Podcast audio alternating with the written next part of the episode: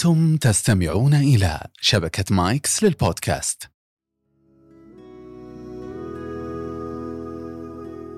السلام عليكم ورحمة الله. حياكم الله في حلقة جديدة من الموسم السادس والذي هو تحت عنوان مهارات وحلول. ضيفنا اليوم استثنائي شخصية جميلة ورائعة كاتب وناقد مصري. الأستاذ طارق إمام حياك الله. أهلا أهلا وسهلا دكتور ماجد وسعيد جدا بالتواجد معك. الله يعطيك العافية. سعيد اليوم نلتقيك في معرض أبو ظبي للكتاب. ونسجل معك هذه الحلقة الجميلة تحت عنوان مهارة الخيال. أنت ككاتب آه، ما شاء الله تبارك الله 12 كتاب ثمانية روايات أربعة كتب منها قصص قصيرة. ونبارك لك العام الماضي فوزك في جائزة البوكر. البوكر. آه، البوكر العربي. القائمة القصيرة للبوكر العربي. نعم. البوكر العربي أيضا آه، يعني ودخولك لهذه القائمة. وكثير من الجوائز ما شاء الله. ودنا نتحدث عن الخيال لأن الروائيين من أكثر من يجيد مهارة الخيال. وش نقصد بالخيال؟ يعني الخيال هو فعلا مهنة الفنان. يعني مش بس أنا بعتبرش إن الفنان بس يميل إلى الخيال لكن أعتبره جزء من المهنة. أن تتخيل. إنك أن تأخذ عنصرا أو مجموعة عناصر من الواقع وتبتعد بها قليلا لترى الواقع أفضل. بالمناسبة لا لتهرب من الواقع ولا لتدير ظهرك إلى الواقع. وبالتالي فالخيال هو فعلا مش بس معطى. آه يعني إحنا كلنا بنتعامل مع الخيال انه كلنا عندنا خيال. لكن هو معطى وهو فعلا أنا أحييك على اعتباره مهارة. كيف تنمي الخيال؟ كيف تتعامل مع الخيال كمهارة يمكنك أن تنمو بها؟ يمكنك أن أن أن أن, أن تمنحها أبعادا وأبعادا آه، آه، أكبر وأن تصير آه، يعني متخللة لكل ما تفعل في الحياة وليس في الكتابه فقط. خلينا ناخذ الرأي الثاني. يقول وش فائدة الخيال؟ عيش واقعك هذا هو. تخيلت وما تخيلت في الأخير بترجع لواقعك زي ما هو. وش رأيك؟ مفيش واقع بيتطور بدون ما تكون قاطرة تطو- تطوره هي الخيال. يعني أنت إذا أردت توسعة مدينة لابد أن تتخيل كيف ستتوسع هذه المدينة ل- لتغدو أكبر. آه لابد إنك تتخيل هتسافر إزاي فتخترع الطيارة. تت- تتخيل هتروح مشوار من هنا لهنا إزاي فتخترع السيارة. مفيش كل ما حسن الواقع الإنساني في تاريخ البشرية كانت قاطرته هي الخيال. لكن الخيال المستند إلى معطيات من الواقع تجعله قابلا للتحقق. وهو ده السؤال اللي دايما مهم. إحنا أحيانا إحنا لا نفتقر إلى الخيال بالمناسبة. لكن إحنا في كثير من الأحيان نفتقر إلى الأدوات التي تحول الخيال إلى واقع وده هو المهم في تقديري. لا أنا خلينا أبغى الأولى بعدين الأدوات بنجي لها شوي. كيف أنمي الخيال الذي ليس له حدود؟ وأبغى أنطلق في عالم الخيال وما أوقف في آه الخيال. كيف كذا في وجهة نظرك أستطيع أن أصل لهالمرحلة؟ من ال- من المهد الخيال يغذى في تقديري من المهد. سواء خيال الكاتب يعني بالذات الكاتب طبعا لكن أي إنسان. الحكي إحنا بنتربى على الحكي ال- ال- الحكايات الخرافية مثلا على الحواديت على كل ده خيال. لكنه خيال أيضا رمزي جدا لأنه خيال بيعرفنا القيم الأساسية في الحياة بيعرفنا ال- الخير والشر الصدق والكذب حتى الحاجات الأولية جدا. فإحنا كمان إحنا كعرب الخيال مكون أساسي. عندنا بالمناسبة. يعني حكينا آه، خيالي من أول ما ما بنتولد. آه، أدبنا تراثنا الأدبي. الخيال هو فيه آه، فاعل جدا وجوهري. ألف ليلة وليلة ليلة ودمنه و و و و. فأنت الشعر يقوم على كثير من التشبيهات فيها خيال. الشعر اللي هو ديوان العرب هو قا- هو طبعا يعني متن خيالي بالكامل. فإحنا إحنا الثقافة العربية الخيال جزء ومكون أساسي فيها في النظرة إلى العالم. من الطفولة آه، ال- الخيال آه، موجود. ولما كل ما بنكبر آه، شوية روافد الخيال بتزيد. يعني ما هو ما هو السينما خيال وال وال وال والأدب خيال. بالمناسبة أنا حتى في الاختراعات العلمية ال- مهم. ال- ال- ال- ال- الجديدة اللي بتحصل أنا بمجرد ما أبص فيها أرى الخيال أرى الخيال اللي, اللي, اللي اللي خلق ده كفكرة ثم تحولت بعد سنوات بعد سنة أو عشر سنوات أو مئة سنة إلى حقيقة. وأظن الآن مثال نعيشه خلال الأشهر الماضية اللي هو بعض رواد الفضاء العرب آه، اثنين من السعودية واحد من الإمارات وغيرهم صعودهم إلى الفضاء. ترى فكرة الفضاء أتوقع لو تحدث مع أحد قبل 100 سنة 200 سنة خيال بالنسبة لهم. خيال كامل يعني خيال محض يعني يعني كان كان من ال 100 سنة يعني من 100 سنة كان أصلا لو قلت لواحد إنك تخرج من مصر لبلد بعيدة في في في في, في, في, في النصف الثاني يعني من الكرة الأرضية كان ممكن يبقى معجزة يعني. فما بالك بإنك تخرج إلى آه، فضاءات أخرى. هنا الخيال وهو آه، يعثر على المعطيات التي تحوله إلى واقع ذاتي في وجهة نظرك آه، أستاذ طارق بين خيال العقل البشري والذكاء الاصطناعي وهبة الذكاء الاصطناعي والترند اللي حاصل في الذكاء الاصطناعي أيهما ممكن يتغلب على الآخر؟ لو دخلنا في هذه الثنائية الصراعية. أنا مشغول جدا الفترة اللي فاتت بهذا الموضوع وأتابع العديد يعني من من الكتاب حتى الذين يرسلون إلى الخيال الاصطناعي يطلبون أن يكتب قصيدة أو أن يكتب خطبة ومن أيام قليلة مويان الكاتب الصيني الشهير الحاصل على نوبل من منذ عدة سنوات يعني اعترف أن أن الخيال الاصطناعي كتب له خطبة يعني كان مزنوق فيها يعني علشان كانت جيدة؟ ما, ما قريتش الخطبة وهو وهو ما لم يقيمها بس قال إنه ساعده كثيرا. الحقيقة الحقيقة أنا أرى أن الخيال البشري سيظل هو الخيال البشري هو اللي خلق الخيال الاصطناعي أصلا. يعني يعني ما الخيال الاصطناعي ده فكرة جت في الخيال البشري فقرر إنه يحولها لحقيقة أيضا. بس التلميذ بعض الأحيان يتفوق على أستاذه آه. فالذكاء الاصطناعي تلميذ عند البشر قد يتفوق عليه لا أظن. لاني اظن انه الخيال الاصطناعي عموما آه، هو لن ينتج لك شيئا خارج المعطيات التي تغذيها به. يعني لن يفاجئك بعنصر أنت لم تمنحه إياه. أنا لو قلت له اكتب عن طارق اللي عايش في القاهرة اللي كذا اللي كذا قد يوظف ذلك. لكن هو ما لو ما يعرفش إن أنا ابن مدينة في الشمال اسمها دمنهور في مصر هو لن يعثر على هذا ولا ولن يستطيع أن يدخل في أعماق هذه الأبعاد الذاكرة الإنسانية. كيف يمكن للذاكرة الفردية يعني لكل شخص فينا كيف يمكن أن ينوب عنه آخر؟ مش هقول لك بقى ذكاء اصطناعي أي أي شخص في إنه يقرأ ما فيها. لا أنا أرى إن الذكاء الاصطناعي مفيد في أطر كثيرة لكن لا يمكن إنه يدخل آه، يعني من بوابة الفن لينافس الفنان الإنسان. وقريت قرأت قصائد قرأت نصوص بالمناسبة مكتوبة بالخيال الاصطناعي. الحقيقة اضحكتني يعني يعني. آه، اضحكتك ليش؟ فيها بعض الأخطاء فيها بدائية. آه بدائية. وواضح فيها جدا الآلية. مش لاني عارف إن ده خيال اصطناعي فقلت ده آلي. لا من أول ما قرأت آه، هذا هذا آلي. ما هو الروبوت الروبوت نعم. ممكن يجي هو اللي يقدم لك كوب الشاي آه، في مقهى يعني. لكنه لن يكون إنسانا. يعني يعني مهما كان وتفانى هو يقدم المطلوب منه تماما. وربما أفضل من الإنسان في بعض المناحي. لكن مش هيقول لك مش هتقول له شكرا هيقول لك ربنا يخليك ليا. يعني في حاجات سيظل الإنسان هو الإنسان في تقديري. وأنا إذا تسمح لي أقول من باب الخيال أنا أتوقع الذكاء الاصطناعي ما زال في بداياته. لو أعطينا فرصة عدة سنوات خمس عشر سنوات سوف يبهرنا ويفاجئنا. من الخيال قاعد يقول لك هو سوف يسيطر على كوكب الأرض ويسيطر على البشر وك... من الخيال؟ الله أعلم. حيوقف عيشنا. طيب في مقولة حلوة لإينشتاين يقول الخيال أهم من المعرفة. كثير من الناس يحرصون على المعرفة وقراءة واطلاع يعني ينمي معارفه ولكنه لا ينمي خياله. أينشتاين يقول لا الخيال ترى أهم من المعرفة. كيف ترى هذه الثنائية؟ أنا أراها آه، أفسرها بشكل زمني. المعرفة دايما تنتمي للماضي. يعني أنت لو عايز تعرف أي شيء قائم هو انتمى للماضي. حدث. تريد أن تعرف كيف اخترع المصباح الكهربائي تريد أن تعرف ماذا كتب ماركيز تريد أن تعرف يعني المعرفة دائما ماضية حدث بالفعل و و وتستطيع أن تحصلها بما أنها موجودة. الخيال دائما مستقبلي. الخيال دائما يذهب إلى ما, ما لم يوجد بعد. يعني أنت لا يمكن أن تقول أتخيل وجود شيء موجود. لا يمكن. فالمعرفة دايما أنت حين تذهب إلى المعرفة فأنت تذهب إلى ما استقر وما حدث بالفعل وما تم تأليفه وما تم اختراعه. وما تم إرشاء إرساؤه وإنشاؤه. أما الخيال فهو دائما ذاهب إلى ما لم يحدث بعد ما لم يخترع بعد ما لم يكتب بعد. ولذلك انحياز أينشتاين في تقديري يعني هو انحياز دائما إلى التجديد إلى أن تذهب إلى الأمام. لا أن تكتفي بالتحصيل لا أن تكتفي بما عرفت. أنا أعرف لماذا أعرف؟ أنا عندي السؤال ده الحقيقة بشكل شخصي. حين أقرأ كتابا فأنا عرفت منه الكثير من المعلومات. لماذا؟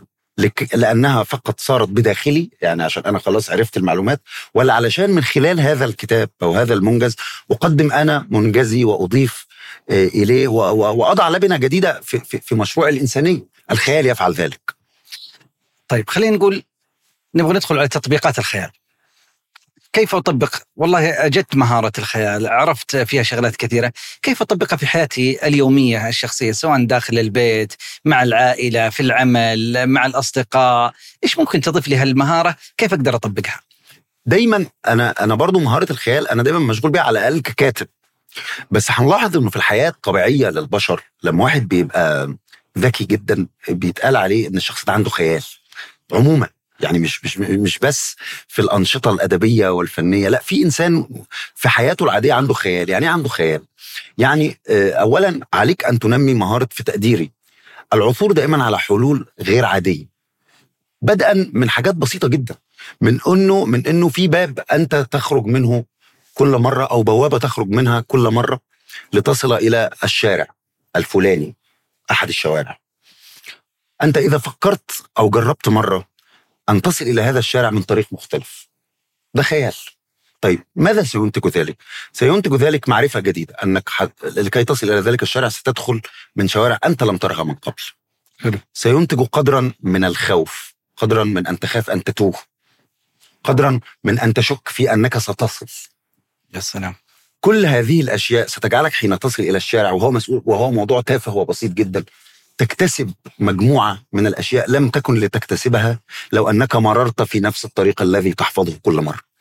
ولذلك أنا حين أذهب إلى مدينة جديدة خارج القاهرة يعني خارج مصر يعني أحب أتوه.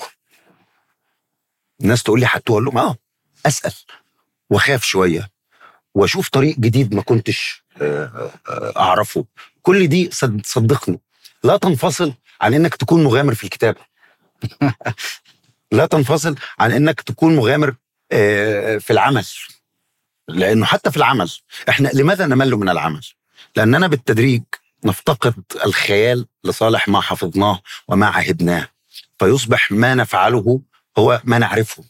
لكن حين تفكر حتى في العمل في البحث عن طرق بديلة في تجديد شيء آه، مش ما, كنتش متعود عليه هذا الخيال هو التجديد الخيال هو الابتكار. حتى في المؤسسة الزوجية حتى في الحب في كل شيء. الخيال ينقذ. في رأيي الخيال ينقذ الإنسانية من الوقوع في فخ الرتابة والتكرار لأن هذا الفخ هو مصير إنساني في كل شيء. أي شيء نتعوده بعد يومين أو ثلاثة صار آه، صار نمطا. حتى نخرج من هذه النمطية وبعض الأحيان الروتين متكرر سواء خلينا ناخذ أبسط حاجة في المنزل تجد ربة المنزل في بعض الأحيان هالكنبه اللي انت جالس عليها ولا أنا اللي جالس عليها تلقى يغيروا مكانها يغيروا مكان التلفاز يغيروا تجد نعم. البيت طلع فيه روح هذه الفكرة أتت أيضا آه، بخيال نعم. خلينا ندخل إحنا قاعدين نتكلم الخيال من ناحية آه، مهارات وحلول بعض الأحيان الواحد يتخيل فيجيب العيد يجيب العيد ما أدري هذا مصطلح موجود عندكم في مصر. يجيب العيد يعني يقع في أخطاء يصير مصيبة أكبر يصير أي حاجة. فعلى سبيل المثال في الناحية الوظيفية العمل قد يكون مديره مستانس على طريقة معينة وروتين يسير فتنجز فيه الأعمال. جاء هو يبغى يتخيل وسمع كلام الاستاذ طارق وتورط. فنقول إحنا بعض الاحيان يعني ما هي يعني ماذا يمكن أن يحدث بعد الخ- بعد الخيال من أخطاء وكيف يستطيع الواحد يتجاوزها؟ أعتقد إنه أهم شيء في التعامل مع الخيال هو التحكم في هامش الخطأ. يعني هناك هامش للخطأ مقبول. نستطيع أن يعني نأخذ منه ونرد إليه. وهناك جانب زي ما حضرتك بتقول في الخطأ كارثي يعني يعني يعني يضيع الدنيا. في الفن مثلا في الفن دايما ال- ال- التجريبيين الناس اللي بتجرب حاجة جديدة يعني بيكاسو لما كان بيجرب حاجة جديدة سلفادور دالي لما كان بيجرب حاجة جديدة في دول في الفن التشكيلي أو ماركيز في الأدب أو سكورسيزي في السينما وغيره آه، ليه ليه الخيال هنا بيبقى ناجح وناجع؟ لأنه لا يغفل آه، ابدا عن العناصر الأساسية لل- للمهنة أو لما تفعل. يعني عليك أن تكون موازنا بين آه، النسب ال- ال- ال- الصحيحة للأشياء بين الإدراك الحقيقي المعرفة الحقيقية لما تفعل. زي المهندس. ما هو في مهندس في مهندسة عراقية عظيمة زي زها حديد. ممكن تعمل لك بناية جديدة وغريبة لكن هي مدركة للأبعاد وللنسب وللمنظورات وللمساقط. تجمع بين الخيال والواقعية. تجمع دائما ما بين آه ما بين ما لابد منه لكي تؤسس أنت شيئا مبنيا آه، آه، بشكل دقيق على أسس علمية بنائيا وتكوينيا. وكده. إلى جانب هنا يأتي الخيال لي... ل... ل... ل... ل... ل... ليكون خيالا إذا جاز التعبير خيالا صحيحا خيالا صائبا. على فكرة جزء من ادهاش الخيال إيه؟ في تقديري. أكتر شيء بيدهشك إنك واحد يتخيل حاجة تكون قريبة منك. يعني إنك تقول إيه؟ أنا ليه ما تخيلتش ده زيه الخيال الله. عبقريته في إن واحد يشوف حاجة أنت مش شايفها بس أنت كمان بتشوفها كل يوم زيه. بتقول يعني بالمصري كيف راحت علي؟ يا ابن اللذينة طب ما أنا بشوفها هنا الخيال بيبقى في أعمق حالاته. مدهش لأنه كم ما أنا كان ممكن أعمل ال- المسألة دي الانحرافة دي. وبالتالي فالخيال ليس معنى الخيال الانفصال الكامل عن الواقع أو الانفصال الكامل عن الأسس القائمة لا الخيال دايما يعمل وفق المتاح. فزي ما حضرتك بتقول التلفزيون هنقله من هنا لهنا بس يجب إن المساحة التي سأنقل فيها التلفاز من من هذا الجانب إلى ذاك تكون أصلا ملائمة للتلفاز. وجود الأسلاك وجود التفاصيل هذه. بالضبط. فالخيال أنا دائما أرى أن الخيال الخيال هو الخيال رأس في السماء وساقان على الأرض. طيب الرسم في السماء هذه هي مهارة ذهنية الخيال. ثم بعد ذلك كيف تتحول من مهارة ذهنية وتبني هذا الجسر لأن تكون مهارة على أرض الواقع فتكون تلك الساقان آه، التي تقف على الأرض وتلامس الواقع كما هو. طيب أبغى أخذ آه، أيضا آه، جزئية حلوة ولذيذة ذكرتها في حديثك لأنك قاعد تبغى تربطها بالرواية عن بعد ولكن خلينا أخذ تجربتك في هذه الجزئية الخيال. ككاتب وروائي. ما هو يعني قوة كاتب؟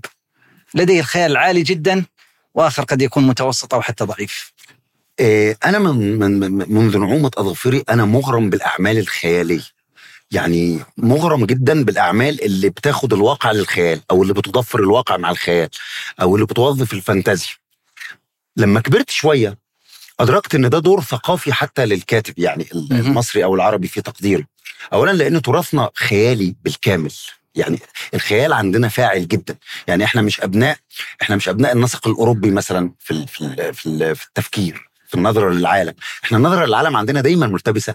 الخيالي موجود والخرافي موجود والماورائي موجود والميتافيزيقي. آه طب إزاي بقى أنت تاخد ده عشان تعمل نص عصري أو كتابة فيها خيال مشبعة بالخيال لكن كمان في نفس الوقت قادره. يعني تدور أو تبحث في الخيال عن حلول للواقع لأن أنا كمان مشغول بالواقع بتاعي. أنا مش بكتب الخيال لكي أهرب من الواقع. أنا أكتب بالخيال لكي أواجه الواقع. لأنه الخيال بوابة لإعادة تعريف الواقع أو بوابة نقدر من خلالها نشوف الواقع بعين مختلفة مثلا. وبالتالي فأنا بالنسبة لي الخيال بيلعب دور ثوري حتى. يعني دور دور كبير جدا في إن إحنا نعيد النظر لواقعنا من من باب جديد. أنا بشوف إنه مفيش بوابة واحدة للواقع. هقول لحضرتك مثال يعني. الأحلام. أها. الأحلام هل هي بتنتمي للواقع ولا للخيال؟ هي بتنتمي للخيال لأنها بتقوم بش... ليها شروط مختلفة آه العلاقات فيها واخدة شكل مختلف بدليل إن في كتب لتفسير الأحلام مختلفة تماما. لكن ما الذي ينتج الأحلام؟ الواقع. آه هل آه الأشخاص اللي بنشوفهم في الأحلام أشخاص من الواقع؟ في أغلب ال... ال... ال... ال... ال... ال... الحالات. طب لو لم يكن الواقع هل كانت الأحلام؟ لا. إذا الواقع والخيال الاثنين واجهين في تقديري آه، آه، لعملة واحدة. ولا يجب إن إحنا ننكر. الخيال بصفته ب- بصفته إيه؟ هروب من الواقع. لا الخيال دائما في رأيي سلاح وأداة. أحيانا نبقى عايزين نقول حاجة في الواقع مش قادرين نقولها بشكل مباشر فنتحايل بالخيال. أحيانا الخيال أحد أشكال التحايل. أحيانا نبقى عايزين شيء رمزي مش موجود في الواقع بس الخيال يعمقه. أنا عندي رواية اللي هي مكتبه القاهرة اللي حضرتك اسلفت ليها مثلا. فيها أحد الشخصيات في الرواية دي واحد فقعت عينه في ثورة يناير. طيب ماشي. موضوع موجود عادي في مصر. لكن الشخص ده بيمشي وهو ماشي في شارع من شوارع القاهرة بيلاقي عين إنسانية تحت رجليه وبياخدها بيلاقيها لسه بتدمع وبتبصر فبيسأل نفسه دي عين مين؟ دي أديها لمين؟ ممكن تكون وقعت من مين؟ ده خيال. لكن هل لما بتقرأ الخيال ده آه، بتحس إنه خيال كده مخترع ولا بيحيل للواقع؟ لا يحيل للواقع ولاسئله الواقع. هذا هو الخيال الذي أراه أحب. طيب لا أبغى أرجع أيضا في عالم الرواية. والروايات خلينا ناخذ تسلسل الرواية في بعض الأحيان وطرقها ومدارسها منذ بدايتها والتعريف بالشخصيات ثم بعد ذلك بناء الدراما ثم بعد ذلك الحبكة بعض الأحيان عدة حبكات وعدة قمم إلى مرحلة الانكشاف. الروايه يعني دور الخيال في كل واحدة بناء الشخصية. الحبكة هي بعض الأحيان تحتاج هذا خيط الجريمة لا ينقطع. يحتاج بعض الأحيان أكثر من شيء أعطيني كذا أيضا تطبيقاتها في عالم آه، الرواية كروائي وأديب وناقد. نعم. الخيال بيدخل فعلا في كل عناصر صناعة ال- الرواية. بدءا من الشخصية. الشخصية آه، في الرواية مثلا في كثير من الأحوال نحن نلتقط شخصيات رأيناها في الواقع أو تشبه شخصيات عشنا معها لأن الكاتب لا ينتج عمله من العدم يعني. بتاخد الشخصية بتاخد بتاخد مادة الشخصية أو لبنة الشخصية من الواقع ثم تبدأ تضيف إليها رتوشا من خيالك مثلا. يعني مثلا أنا مثلا في رواية في روايتي الأخيرة عندي اتكلمت عن بلياردو ده اللي هو الذي فقعت عينه. عندي بنت مثلا هي آه، مصورة مصورة يعني مخرجة قصدي مخرجة سينمائية. هذه المخرجة تشبه كثير من المخرجات المستقلات في مصر. تمام. لكن أنا تخيلت إنها حين تقف أمام المرآة ترى شخصا ما. دائما ما يظهر لها في المرايا. ده مش ممكن يحصل. سوى آه، في الخيال. ثم تنشأ بينها وبين هذا الشخص الذي لا يظهر سوى في المرآة علاقة حب. ثم تقرر ذات يوم أن تميت هذا الشخص لأنه خانها مثلا أو لأنه خذلها في شيء. فتقتله بمسدس تضرب الم- المرآة بمسدسها فتفاجأ بدم يسيل من المرآة. وكأن هذا الشخص بالفعل يسكن المرآة. الخيال بيبدأ من نقطة صغيرة ثم يتعمق ويتشعب و و و لكن على أساس من الشخصية الواقفة على الأرض أيضا اللي هي شخصية ممكن تكون شخصية مصرية موجودة آه، نقدر وإحنا بنتعامل معها نكون شايفينها آه، على الأرض. دي الشخصية الحبكة. الخيال بيدخل في حاجة مهمة جدا في الرواية مهم. الزمن. الزمن الحقيقي اللي إحنا عايشينه هو زمن قهري من ال from A to Z يعني واحد ثم اثنين آه، قعدت في البودكاست ثم انهيت البودكاست ثم خرجت من البودكاست. الزمن قهري بيتقدم للأمام. الزمن في الرواية ممكن يعود إلى الخلف. هو ده خيال. يا سلام. يبقى معكوس. الزمن في الرواية ممكن يبقى فيه مراوحة ما بين الحاضر والماضي والمستقبل. ما هو ده مستحيل يحصل في الواقع. ما هو ده خيال. فلاش باك اللي إحنا كلنا بقى عارفينه من السينما ومن الروايات أشهر حاجة. فلاش باك هو في في الواقع واحد لما بيجي يفتكر حاجة حصلت له. بنلاقيها ظهرت زي ما في السينما كده يجي يفتكر فتلاقيه هو نفسه بقى صغير يا ليت. وبيح... وكأنه ده بيحدث الآن. ما هو ده خيال. نعم. ف... ف... فاللعب مع الزمن في الرواية آه الخيال أساسي فيه لكنه مقنع لأنه الفلاش باك ما هو برضه كلنا لينا ماضي. ما هو تعبير نعم. مجازي عن أو رمزي عن الذاكرة. المستقبل. ما فيش مستقبل آه، في الواقع المستقبل في الحياة اللي إحنا عايشينها ما فيش فين المستقبل. لكن في الأدب ممكن يروح للمستقبل. الخيال موجود في الزمن الروائي. الخيال موجود في الحبكة زي ما حضرتك قلت وده مهم جدا. لأنه مثلا أحيانا أنت تقرر إنك تعمل حبكة موازية إن في شخص عايش في مكانين في نفس الوقت. فتعمل حبكة منقسمة الشخص ده بنشوفه هنا وهنا. حتى في كرامات الأولياء ويعني في كثير من الموروث بيقوم على المعجزات اللي من النوع ده مثلا. فأنت ممكن في شخص أنا عندي في إحدى الروايات كانت في شخصية عايشة في زمانين في نفس الوقت. في مكانين في نفس الوقت. هنا الخيال تدخل لكي يعني إيه يقلب نظرية آه، آه، موجودة وثابتة وهي أن الشخص لا يوجد سوى في مكان واحد في نفس اللحظة. كل ده بيبقى خيال موجود على مستوى الشخصية على مستوى الزمن على مستوى الحبكة حتى على مستوى المكان.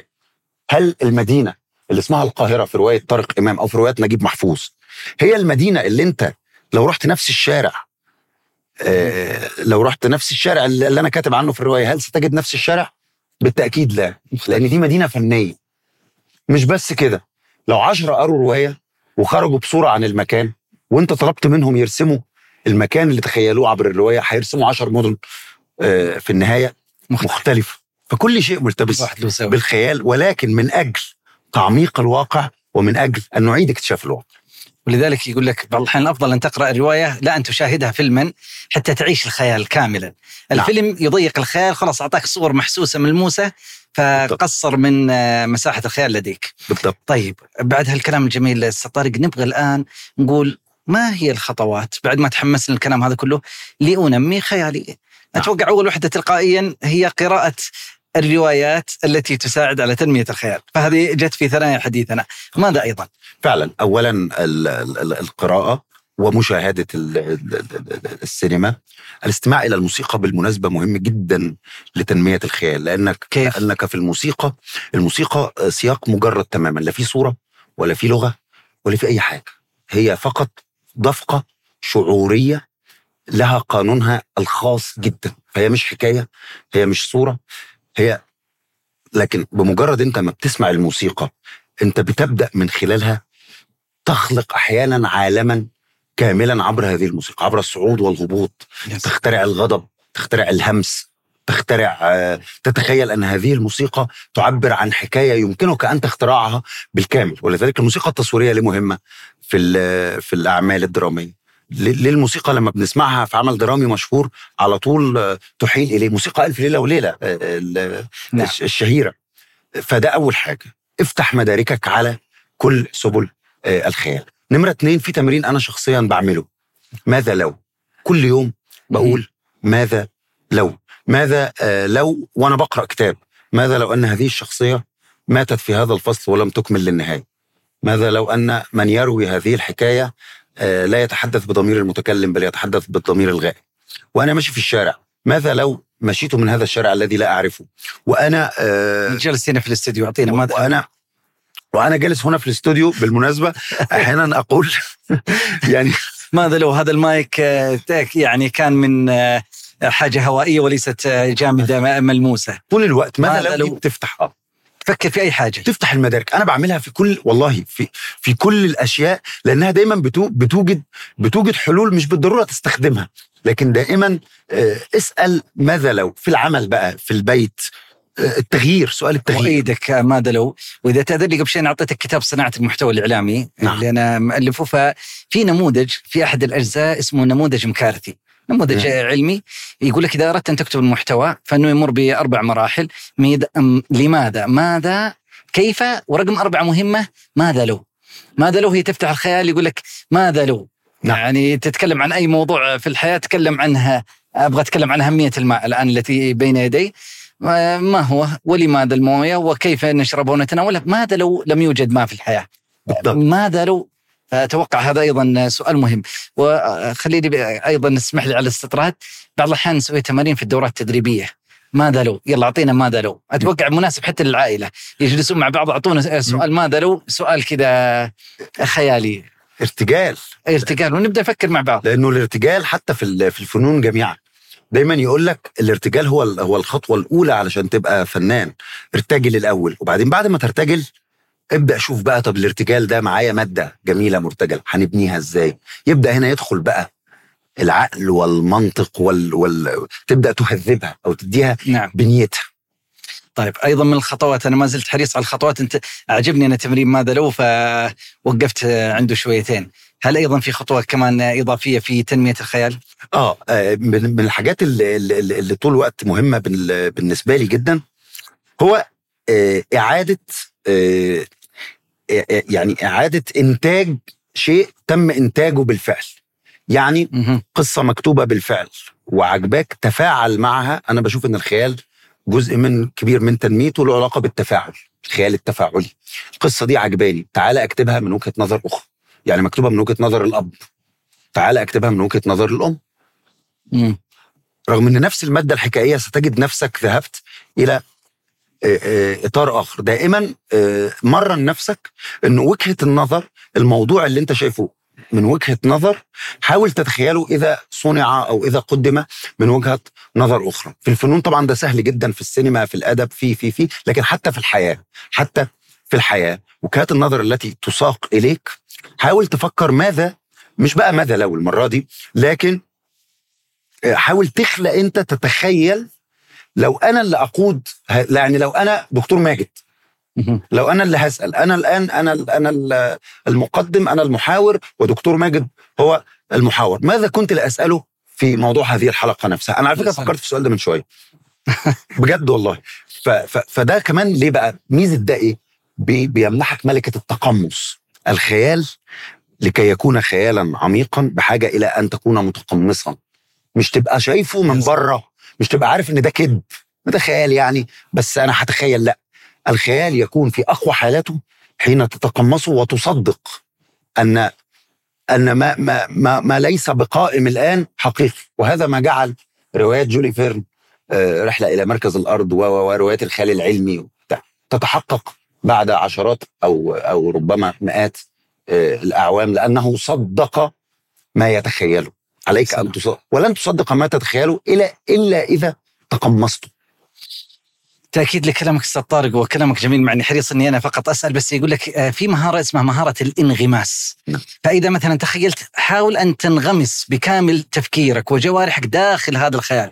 فمهارة الانغماس تحتاج في أمور كثيرة في الحياة آه، تكون في لقاء تكون في لحظة مع العائلة مع الأصدقاء. انغمس تماما وابتعد عن المشتتات. آه، استاذي الفاضل وحنا على وشك أن ننتهي من هذه الحلقة الجميلة. خليني أبغى أقول بما أنك ذكرت أكثر من رواية إيش في روايات؟ طبعا رقم واحد أنا بقول الروايات التي كتبها الأستاذ طارق إمام ولكن أيضا ترشيحك لروايات تساعد على الخيال. فيها الخيال آه، كان عالي أثناء قراءتك واطلاعك. أرشح آه، ألف ليلة وليلة بقوه وده نصنا العربي يعني ال- المهم. أرشح الأدب الأساطير اليونانية.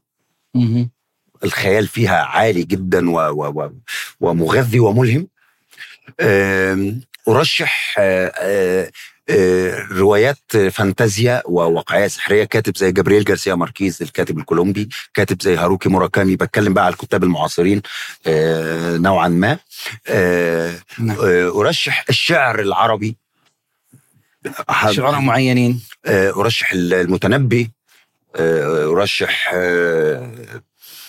يعني بحب المتنبي بشكل خاص يعني. ما تلام. آه آه، يعني آه، أرشح آه، صلاح عبد الصبور في في الأحدث أرشح محمود درويش في الشعر. هؤلاء الشعراء وهؤلاء الكتاب كان عندهم آه، خيال جامح. أرشح نجيب محفوظ وبالذات في روايات مثل ليالي ألف ليلة الحرافيش آه، حديث الصباح والمساء لأن فيها خيال آه، جامح. أدعو القراء لقراءة الأعمال الفانتازية وأعمال الخيال العلمي لأنها كلها كلها قائمة على نظريات الاحتمالات آه، اللي هي فيها ماذا لو التي آه، قلناها آه، منذ قليل. كل هذه الأعمال وغيرها طبعا بتغذي الخيال قائمة على ال- الخيال وتفتح افاقا كبرى. دائما في نهاية كل حلقة ندعو أو نترك مساحة مفتوحة للضيف يختم بها فعن مهاره الخيال ماذا تحب أن تقول في الختام؟ يعني لو لو هلخص نظرتي لمهارة الخيال آه، ككاتب ممكن أقول آه، أن الكاتب منا آه، يتخيل أماكن كثيرة وجوها كثيرة اشخاصا آه، كثيرين احداثا كثيرة يتخيل كل ما لم يحدث لكي يعثر في الأخير على وجهه وعلى ذاكرته وعلى سيرته الشخصية التي ربما خشي ذات يوم أن يحكيها لكن منحه الخيال قناعا ليسفر عن وجهه الحقيقي. أستاذ طارق إمام روائي وناقد مصري شكرا لك لتواجدك معنا في بودكاست مهارات والحديث عن مهارة الخيال. أنا المتشكر وسعيد جدا جدا بوجودي معك دكتور ماجد الله يعطيك العافية، شكرا لكم شكرا جدا السادة المتابعين والمتابعات وإلى اللقاء إن شاء الله.